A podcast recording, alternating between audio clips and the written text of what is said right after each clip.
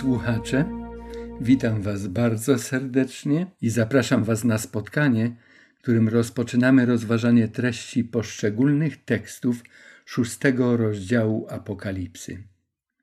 Jak zwykle to czynimy, również dzisiejsze spotkanie ze Słowem Bożym rozpoczniemy modlitwą. Serdecznie Was do niej zapraszam. Drogi nasz niebiański Ojcze, chcę Ci podziękować za to, że znowu dałeś nam taką sposobność, że możemy razem otworzyć Twoje słowo, czytać je, a Ty chcesz nam błogosławić. O tym już wiemy na podstawie poprzednich naszych spotkań i również liczymy na to, że dzisiaj nie będziemy sami, że Duch Twój Święty poprowadzi nas, dopomoże nam zrozumieć to, co chcesz, abyśmy rozumieli. Rozumieli odnośnie Twojego działania, Twojej potęgi, Twojej mocy, Twojej szlachetności, a również i naszego miejsca w Twoim planie. Dziękuję Ci, że będziesz dzisiaj z nami i dlatego odważamy się rozpocząć to nasze spotkanie w imieniu Jezusa Chrystusa, naszego Pana. Amen. W kolejnych trzech spotkaniach będziemy śledzili wydarzenia, jakie pokazane zostały Janowi, podczas gdy baranek, Jezus Chrystus, zdejmował kolejne pieczęci umieszczone na księdze w postaci zwoju, który odebrał od Boga Ojca. Na początek przypomnimy sobie początkowe osiem wersetów w szóstym rozdziale. Wersety opisujące wydarzenia, jakie następowały po zdjęciu pierwszych czterech pieczęci. Dzisiaj też zastanowimy się nad znaczeniem wydarzeń towarzyszących zdjęciu pierwszej i drugiej pieczęci. Opis ten, który za chwilę przeczytamy, często jest określany jako obraz czterech jeźdźców apokalipsy, albo czterech jeźdźców objawienia, albo czterech apokaliptycznych jeźdźców. Zatem przejdźmy do czytania tekstu. Szósty rozdział Apokalipsy. I widziałem, jak baranek zdjął pierwszą z siedmiu pieczęci. I usłyszałem głos jednej z czterech postaci, donośny jak grzmot, mówiący: Chodź. I widziałem, a oto biały koń, ten zaś, który siedział na nim, miał łuk, a dano mu koronę i wyruszył jako zwycięzca, aby dalej zwyciężać. A gdy zdjął drugą pieczęć, usłyszałem, jak druga postać mówiła: Chodź. I wyszedł drugi koń barwy ognistej, a temu, który siedział na nim, dano moc zakłócić pokój na ziemi, tak by mieszkańcy jej zabijali się nawzajem, i dano mu wielki miecz. A gdy zdjął trzecią pieczęć, usłyszałem, jak trzecia postać mówiła: Chodź. I widziałem, a to oto koń kary, ten zaś, który siedział na nim, miał wagę w ręce swojej. I usłyszałem, jakby głos pośród czterech postaci mówił: Miarka pszenicy za denara i trzy miarki jęczmienia za denara, a oliwy i wina nie tykaj. A gdy zdjął czwartą pieczęć, usłyszałem głos czwartej postaci, która mówiła: Chodź. I widziałem, a oto siwy koń, a temu, który na nim siedział, było na imię śmierć, a piekło szło za nim. I dano im władzę nad czwartą częścią ziemi, by zabijali mieczem i głodem i morem i przez dzikie zwierzęta ziemi. Zapewne zauważyliśmy też, że po zdjęciu każdej z czterech pierwszych pieczęci kolejno pojawia się któraś z czterech postaci, które znane nam są już z opisu tronu i wydarzeń, jakie dzieją się wokoło niego. Szczegółowy opis tego znaleźliśmy w czwartym i piątym rozdziale Apokalipsy. Cztery postacie przed tronem. Przypomnijmy sobie, co wiemy o tych czterech postaciach. Postać pierwsza podobna była do lwa. Postać druga podobna była do cielca. Postać trzecia miała twarz jakby człowieczą, a postać czwarta była podobna do orła w locie. Czy jeszcze gdzieś w Piśmie Świętym możemy znaleźć więcej informacji na ich temat? Czy jak to bywało w innych przypadkach, i teraz znajdziemy jakieś tło tych wydarzeń w Starym Testamencie?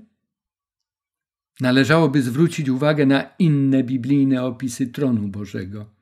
Czy gdzieś w nich występują takie lub podobne im postacie, istoty? Tak, prorok Ezechiel także otrzymywał wizję tronu Bożego. W pierwszym rozdziale opisuje właśnie coś takiego, co nas interesuje. Tam były cztery postacie też, a oblicza ich wyglądały u wszystkich czterech tych istot z przodu jak twarz ludzka, z prawej strony jak twarz lwa, z lewej strony jak twarz wołu, a z tyłu jak twarz orła. A to ciekawy obraz. Być może Jan widział te postacie tylko z jednej strony. Ezechiel widzi, że każda z tych postaci ma te cztery oblicza. W dziesiątym rozdziale Ezechiel znowu ogląda tron Boży i znowu widzi te postacie, i tutaj już nazywa je, że są to cherubowie. Każdy cherub miał cztery oblicza.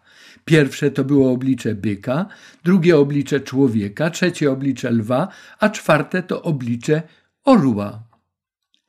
I nasz obraz oglądany przez Jana na wyspie Patmos Postać pierwsza podobna była do lwa, postać druga podobna była do cielca, postać trzecia miała twarz jakby człowieczą, a postać czwarta podobna była do orła w locie.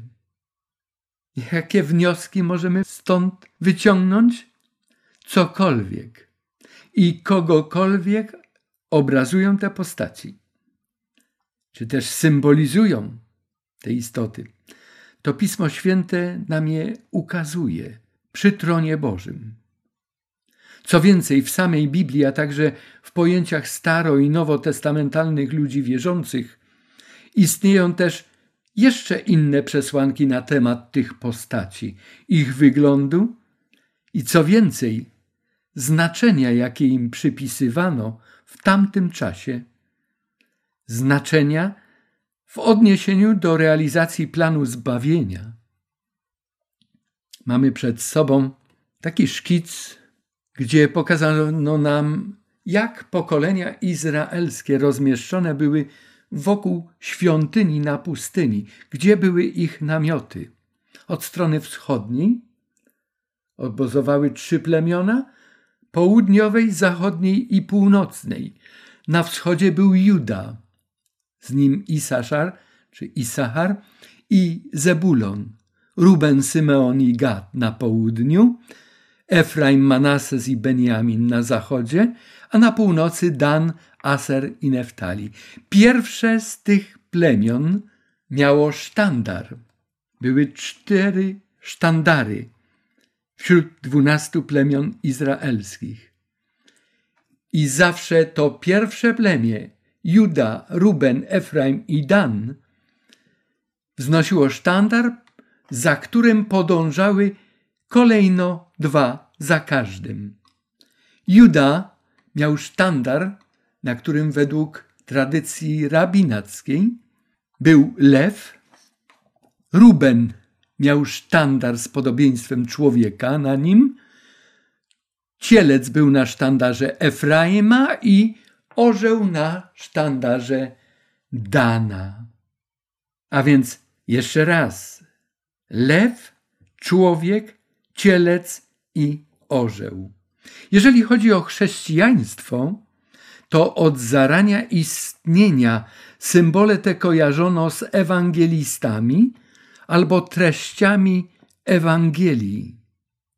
Ireneusz, żyjący w latach 140, a zmarł w roku dwusetnym i drugim, lew przez niego był opisany jako zwierząt, symbol waleczności, mocy, władzy, potęgi i według Ireneusza symbolizował Jezusa Chrystusa, opisanego głównie w Ewangelii Mateusza, gdzie podkreślane bardzo często są te cechy naszego mistrza.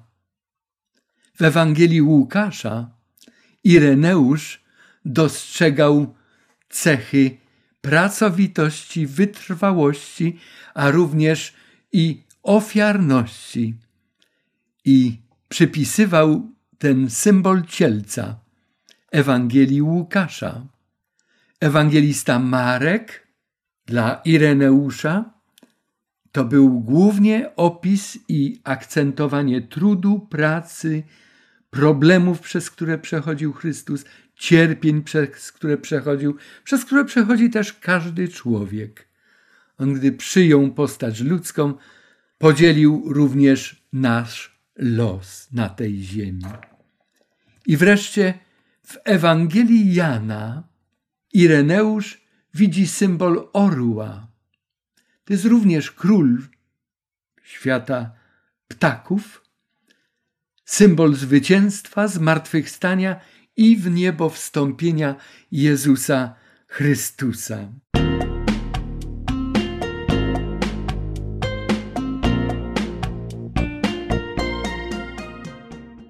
Hieronim, tłumacz wulgaty, który żyje na przełomie IV i V wieku, w czterechsetnym roku przetłumaczył Pismo Święte na język łaciński. To jest nasza wulgata.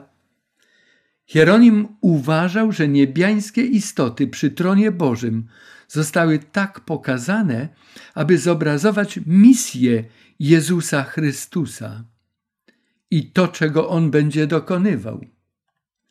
Człowiek dla Hieronima to był symbol inkarnacji.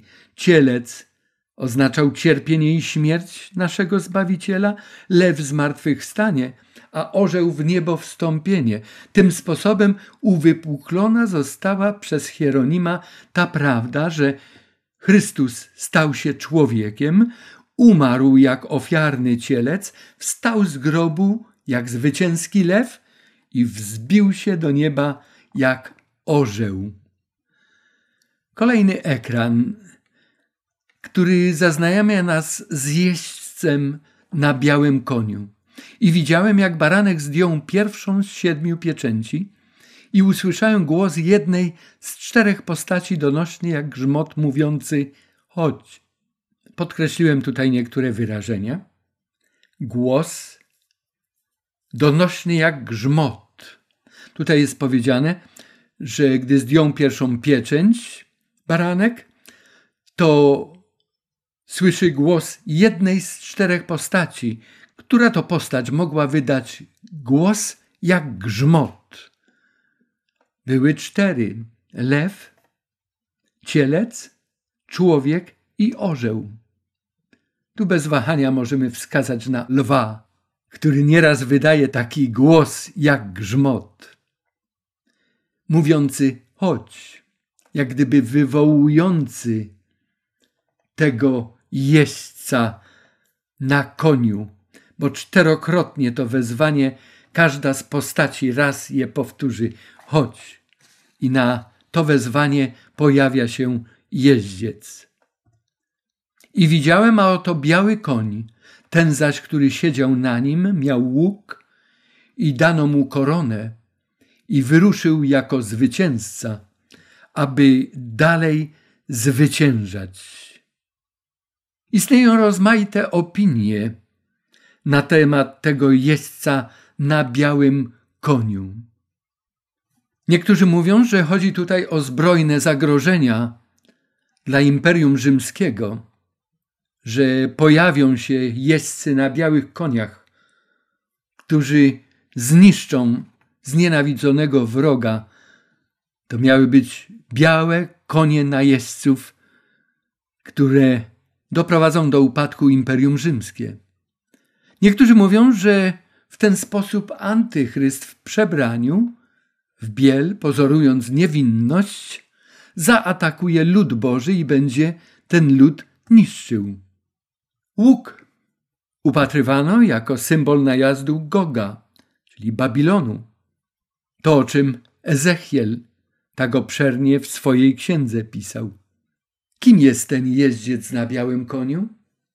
Istnieją liczne dowody i argumenty przemawiające za tym, że wizja ta kieruje uwagę Jana i czytelnika Apokalipsy na rzeczywistości świadczące, iż poprzez ten obraz Bóg chce pokazać swoje działanie na rzecz zbawienia człowieka. Biały kolor w Biblii i Apokalipsie to zawsze jest czystość, niewinność. Łuk może być symbolem dobra albo zła, ale tylko dobro zwycięża. Zło może pozornie zwyciężać do czasu, ale ostateczne zwycięstwo należy do dobra. A więc i ten łuk w tym symbolu, zgodnie z opisem, może oznaczać tylko dobro, działanie Boga. Co więcej, kolejny argument. Ten jeździec nosi koronę. W języku greckim są dwa określenia dwóch różnych koron: Stefanos i diadema. O tym już wcześniej kiedyś mówiliśmy. Stefanos jest koroną zwycięzcy, jest laurem zwycięzcy, jest obiecana ludowi Bożemu. Obiecywana jest kilkakrotnie również w Apokalipsie w poselstwie do siedmiu zborów.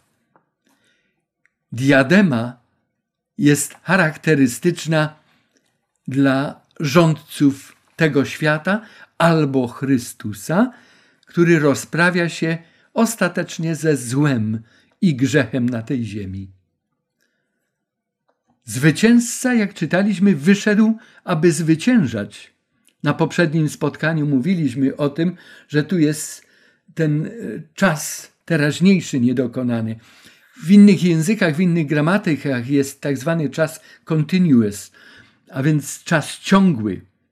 On walczy i bezustannie zwycięża. Zwycięża aż do samego końca. Jeździec nikomu też nie wyrządza żadnej szkody. Zwiedzenia w Apokalipsie występują również i w przebraniu za dobro, ale są zawsze zdecydowanie demaskowane. Ten jeździec ma zagwarantowane już to zwycięstwo. W opisie jest to bardzo wyraźnie zaznaczone.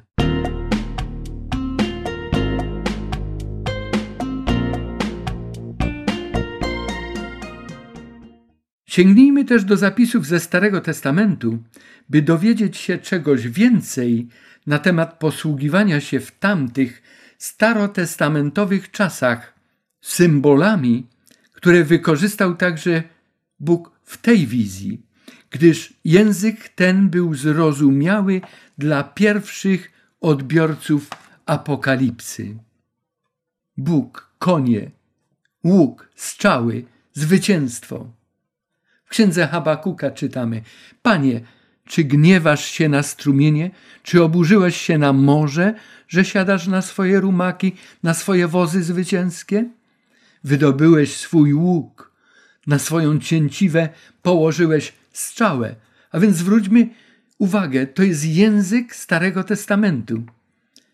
Język, do którego nawiązuje Apokalipsa, dlatego że jest zrozumiały dla ludzi w tamtym czasie żyjących, dla pierwszych odbiorców tego przesłania z wyspy Patmos. Prorok Izajasz napisał: Słuchajcie mnie, wyspy, mówi w imieniu Boga. Uważajcie, wy, dalekie narody. Pan powołał mnie od poczęcia, od łona matki nazwał mnie po imieniu i uczynił moje usta ostrym mieczem, w cieniu swojej ręki mnie ukrył, uczynił mnie strzałą gładką, w swoim kołczanie mnie schował i rzekł do mnie, jesteś moim sługą, Izraelu, przez ciebie się wsławię. Jest to szczególne proroctwo mesjanistyczne, którego język zawiera podobne akcenty i zwroty, z jakimi spotykaliśmy się w Apokalipsie. Proroctwo zapowiada działalność sługi, Mesjasza, nazwanego gładką strzałą w Bożym kołczanie, a także sługi, którym jest cały mesjanistyczny Izrael. Izrael, przez którego Bóg się wsławi. Przeczytamy teraz kolejny tekst w tym temacie z Psalmu 45. Przypasz miecz swój do biodra, bohaterze, blask swój i dostojeństwo swoje. Niech ci się szczęści, wystąp w obronie prawa, łagodności, sprawiedliwości, a prawica twoja dokona cudownych czynów. Strzały Twoje są ostre, ludy padają pod nogi Twoje, upadnie serce wrogów króla. Tron Twój, o Boże, trwa na wieki wieków. Berłem sprawiedliwym jest berło królestwa Twego. Miłujesz sprawiedliwość, a nienawidzisz bezprawia, dlatego pomazał Cię Bóg, Twój Bóg, olejkiem wesela jak żadnego towarzysza Twego. Czy zauważyliście, że czytając Nowy Testament. W liście do Hebrajczyków jest cytat, ten obszerny cytat z Psalmu 45. To tutaj jest mowa o Jezusie Chrystusie, którego Ojciec nazywa również Bogiem, którego namaszcza jak nikogo innego. Wspaniały tekst, ale właśnie tutaj jest pokazana ta walka tego Mesjasza, tego bohatera. Występuje w obronie prawa, łagodności, sprawiedliwości. Prawica jego dokona cudownych czynów, jego strzały są ostre. Ludy padają pod jego nogi. Upadnie serce wrogów króla. Ci, którzy nieraz bluźnią przeciwko Bogu, stają się jego dziećmi, stają się jego strzałami stają się jego posłańcami. Tak było z Saulem Starsu między innymi i wieloma, wieloma ludźmi na przestrzeni wieków. Jest to kolejna zapowiedź o tej wielopoziomowej i wieloaspektowej walce i ostatecznym zwycięstwie Mesjasza, Króla, Boga. Jeżeli chodzi o zwycięstwo, to tak jak walka. Walka rozgrywa się i zwycięstwo jest osiągane na płaszczyźnie i w aspekcie duchowym, a także militarnym, gdy w końcu Mesjasz będzie musiał jako król królów i pan panów zniszczyć to wszystko, co do końca pozostało w buncie i odwróciło się od jego wielkiej miłości i dobroci. On walczy, aby zdobyć swoją narzeczoną, aby przygotować ją na zaślubiny, o czym w dziewiętnastym rozdziale Apokalipsy możemy również przeczytać. Walczy i zwycięża dopóty, dopóki istnieje wróg i dopóki istnieje zagrożenie. Tak długo, jak jest jeszcze ktoś lub coś do pokonania albo do zdobycia, nawrócenia, gdy jeszcze jest ktoś do odzyskania. Ten jeździec na białym koniu będzie walczył i razem z nim będzie walczył cały ten duchowy Izrael, przez który Bóg powiedział, że wsławi się w tej działalności. A w Nowym Testamencie czytamy w liście do Efezjan, że te moce ciemności przez Kościół zobaczą rozliczną, wspaniałą mądrość i wielkość Boga. Weselmy i radujmy się, oddajmy Mu chwałę, gdyż nastało wesele baranka, oblubienica Jego przygotowała się, dano jej przyobleć się w czysty biały bisior lśniący. Bisior oznacza sprawiedliwe uczynki świętych. To jest ilustracja zwycięstwa Ewangelii, co daje Jezusowi prawo przejęcia całkowitego panowania jako króla. Jeździec, według szóstego rozdziału Apokalipsy, ma laur zwycięzcy na swojej głowie, ale on zwycięża i idzie dalej, aby ciągle zwyciężać aż do ostatecznego zwycięstwa, kiedy to jako król królów i pan panów pojawi się, aby położyć kres nieprawości. Wtedy Chrystus przejmuje całkowite panowanie jako król. Od początku aż do samego końca jeździec na białym koniu działa nie tylko w początkach chrześcijaństwa, ale w całej jego historii. Jest to wspólne doświadczenie nie tylko Boga, ale Boga i człowieka w ich wspólnej misji ratowania ludzi ze śmierci do wiecznego życia, aż do wyczerpania wszystkich możliwości. Możliwości takich jak miłość, łaska, miłosierdzie, cierpliwość, czas i wszystkie inne, które mogą służyć i służą odwróceniu się człowieka, tego, który chce porzucić grzech i przyjścia do Boga. Wszystko to zostało wyczerpane. I Apokalipsa w 22 rozdziale zamieszcza tekst, którego nigdzie więcej w Piśmie Świętym nie znajdziemy. Nie pieczętuj słów proroctwa tej księgi, albowiem czas bliski jest. Kto czyni nieprawość, niech nadal czyni nieprawość, a kto brudny, niech nadal się brudzi, lecz kto sprawiedliwy, niech nadal czyni sprawiedliwość, a kto święty, niech nadal się uświęca. Oto przyjdę wkrótce, a zapłata moja jest ze mną, aby oddać każdemu według jego uczynku. Zauważyliście? Pismo Święte zawsze wzywa grzesznika, człowieka zbrukanego, do nawrócenia, do obmycia się w krwi zbawczej Jezusa Chrystusa jako baranka Bożego. Tutaj jest niesamowity, niesamowita deklaracja, niesamowity niemal wyrok.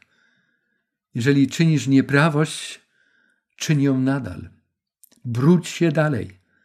Ale jeżeli jesteś sprawiedliwy, to trwaj w tej sprawiedliwości. Nadal korzystaj z uświęcenia. A więc popatrzmy na tego jeźdźca apokaliptycznego na białym koniu. Czy chodzi o tego samego, który nosi koronę Stefanos i podbija świat swoją miłością i przedstawia Ewangelię radosną wieść o zbawieniu, a gdy już wszyscy, którzy pragnęli zbawienia, uchwycą się jej, skończy się czas łaski, a on z diademą, z koroną króla królów i pana panów przybędzie na tę ziemię po swój lud, po swoją oblubienicę.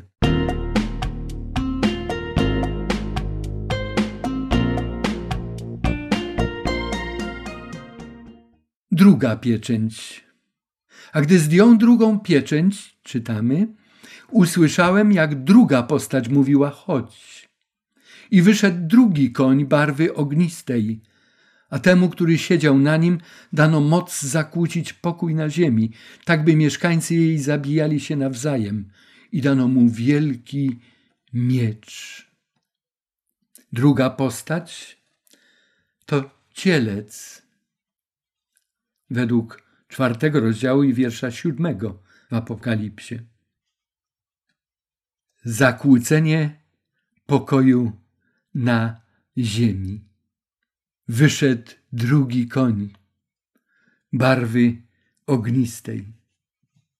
Kolor ognisty to ofiara, cielec, druga postać. Kolor ognisty to wielki miecz, w języku greckim mahaira.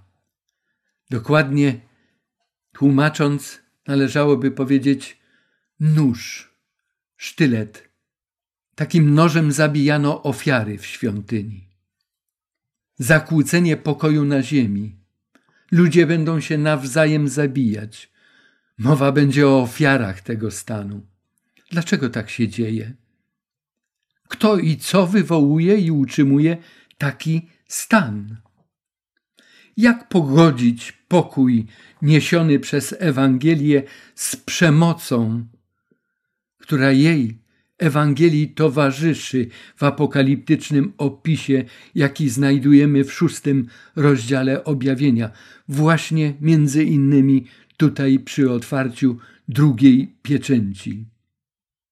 Źródłem prawdziwego pokoju jest Bóg. Prorok Izajasz powiedział, że każdy, kto zaufał Bogu, otrzymał od Niego pokój. Ludzie bezbożni nie znajdują pokoju. Ten sam prorok ogłosił to Izraelowi, a zapisane jest w 57 rozdziale jego księgi. Walka więc pojawia się w wyniku odrzucenia Ewangelii pokoju. Ewangelia dzieli, dla niektórych ludzi jest to zaskakujące. Dzieli na tej zasadzie, że jedni ją przyjmują, a inni odrzucają. I między tymi dwoma grupami powstają uprzedzenia i ze strony niewierzących napięcia i wrogość. Świat dzieli się na wierzących i niewierzących, pobożnych i niepobożnych. W obydwu przypadkach wzbudza to nienawiść, prowadzi do prześladowań, do zbrodni. Chrystus zapowiadał takie losy Kościoła, gdy mówił o znakach poprzedzających jego powrót.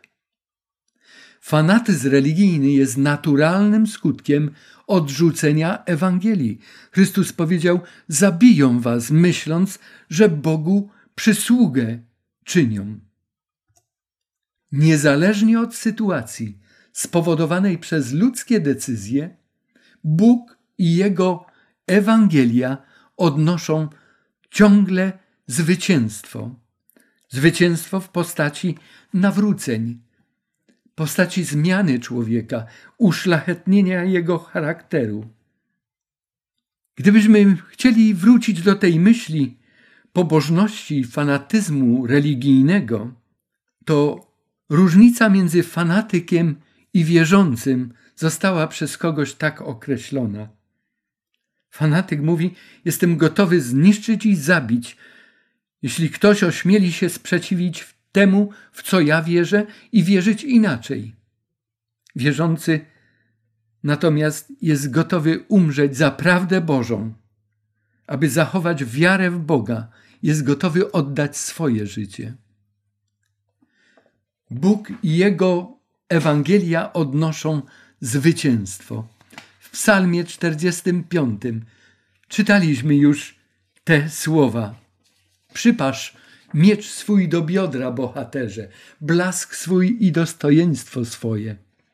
Niech ci się szczęści, wystąp w obronie prawa, łagodności, sprawiedliwości, a prawica twoja dokona cudownych czynów. Strzały twoje są ostre, ludy wpadają pod nogi twoje, upadnie serce wrogów króla. Tron twój, o Boże, trwa na wieki wieków.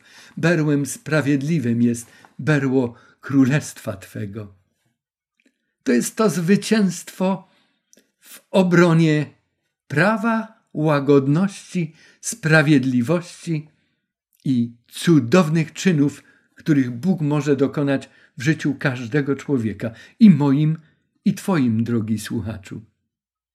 W drugim liście do Koryntian apostoł Paweł napisał, że wierzący dla ludzi, z którymi się spotykają, stanowią woń życia dla życia albo woń śmierci dla śmierci. Jeżeli ktoś odrzuca Boże prowadzenie, odrzuca zwiastunów Bożych, to pozbawia się tej woni życia, tego kierunku prowadzącego do zbawienia. Sam wybiera przeciwieństwo, inaczej śmierć.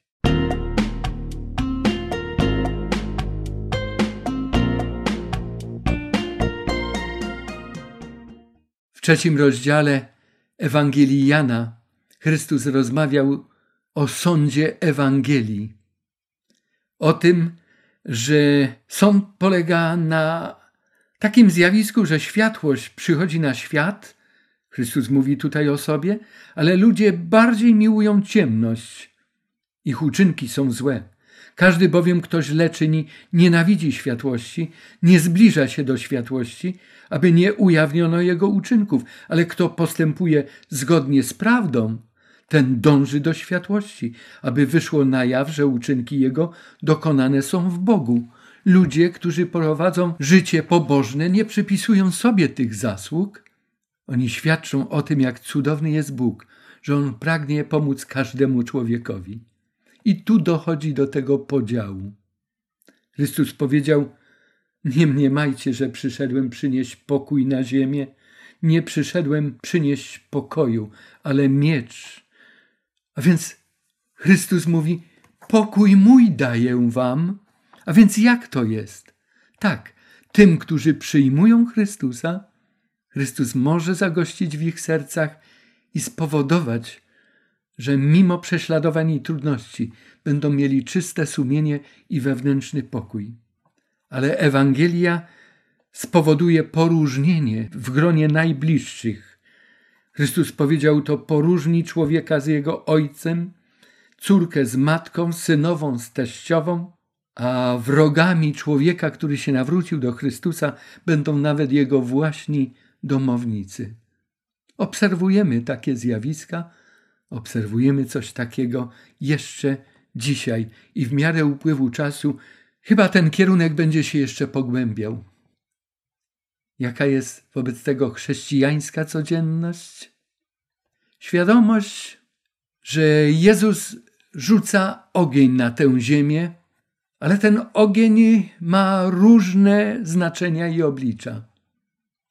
Mówi, jakżebym pragnął, aby już płonął ten ogień miłości, żarliwości, pokoju, gorliwości dla dobra innych ludzi.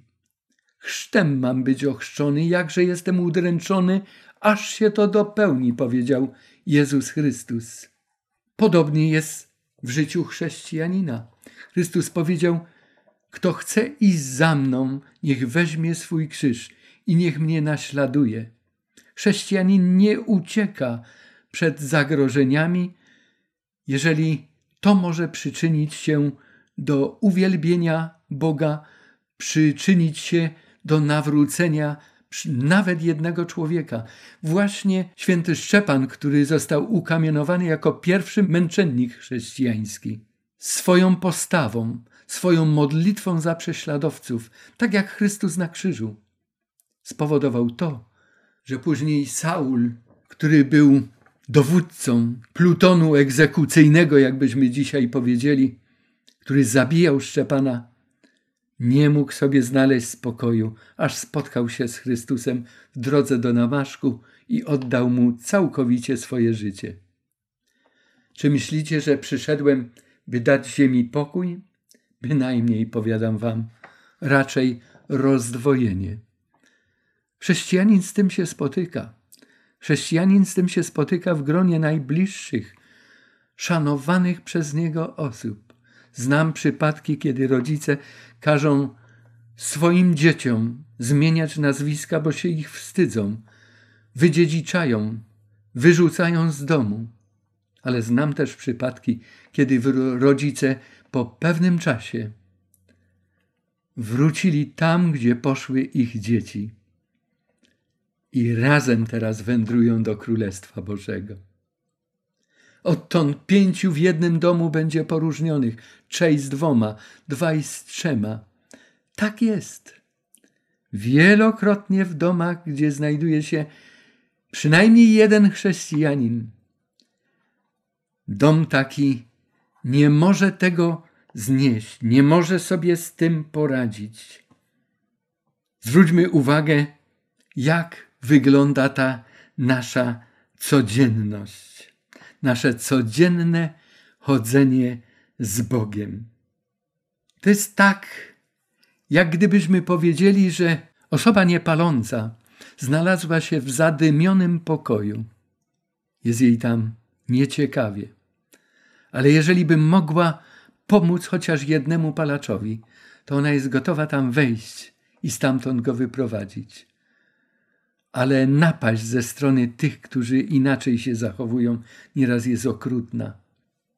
Jeżeli ktoś może nawet pił alkohol, a w, pod wpływem działania Boga przestał niszczyć swój organizm, swoje ciało, swój umysł, od tej pory nie znajdzie wspólnego języka już z tymi, którzy nadal lubią alkohol i będzie się tam źle czuł, a oni będą się z nim źle czuli. On będzie wyrzutem dla ich sumień. A więc tak samo jest z Ewangelią.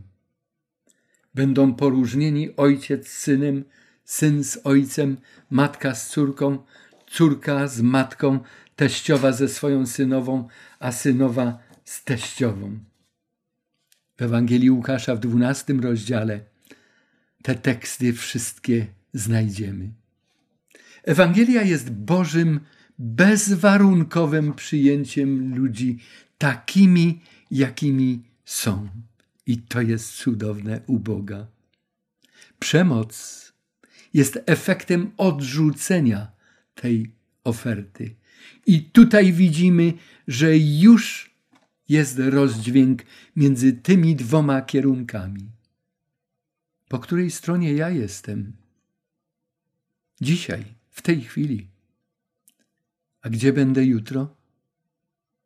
Idąc za Jezusem, możemy utracić swoich bliskich. I obecnie zwycięzcy nie wyglądają jeszcze jak zwycięzcy. Jedynie zwycięstwo Chrystusa na krzyżu jest zwycięstwem absolutnym, dokończonym. Wiemy jako chrześcijanie, że poza Chrystusem nie ma życia. Ono jest w Nim. Czy miłujesz Go? Czy należysz do Niego? Jeżeli tak, to już teraz masz życie wieczne. To wam napisałem, którzy wierzycie w imię Syna Bożego, abyście wiedzieli, że macie żywot wieczny. Te słowa napisał Jan. Kto ma Syna Bożego, ten ma życie wieczne. Kto nie ma Syna Bożego, ten nie ma życia wiecznego. A więc te wydarzenia towarzyszące zdjęciu pierwszych dwóch pieczęci ukazują nam wspaniały triumf Ewangelii i wielki atak i wielką złość ze strony tych, którzy Ewangelię odrzucili. Ale niezależnie od tego, przez co przechodził będzie Kościół Boży. Życie codzienne z Bogiem jest życiem, które trwać będzie wieki, a już się rozpoczęło. Módlmy się. Niebiański Ojcze nasz, dziękujemy Ci za to, że jesteś naszym Ojcem. Dziękujemy Ci za to, że Twoja Ewangelia nas znalazła. Dziękujemy za to, że wyrwałeś nas z mocy ciemności i grzechu. Przeżywamy różnego rodzaju walki, trudności, ale czujemy Twoją obecność. Jesteśmy jej w pełni świadomi. Cieszy nas ten pokój, który wlewasz w serca nasze. Ty pragniesz to uczynić w odniesieniu do każdego człowieka, który Ci zaufał. Proszę Ciebie, drogi Boże, za każdym słuchaczem, który bierze, czy dzisiaj brał udział w tym spotkaniu. Dopomóż abyśmy też nie dziwili się, gdy patrzymy, jak dzieci Twoje wiele muszą cierpieć na tej ziemi. Dzisiaj wielu oddaje swoje życie dla Twojej sprawy i nigdy się Ciebie nie wyrzekają, nigdy od Ciebie nie odstępują. Boże, daj mi siły, abym wytrwał przy Tobie, abym był z Tobą i tutaj, i na zawsze. W imieniu Jezusa Chrystusa, Pana i Zbawiciela mojego, proszę o to dla siebie i dla moich słuchaczy. Amen. Dziękuję za udział w dzisiejszym studium i zapraszam na kolejne. Zatytułowałem je Wydarzenia towarzyszące zdejmowaniu pieczęci trzeciej i czwartej. Do zobaczenia. Niech Bóg błogosławi każdego i każdą z Was. Niech ma w opiece Wasze domy, Wasze rodziny niech Jego pokój będzie zawsze z Wami. Amen.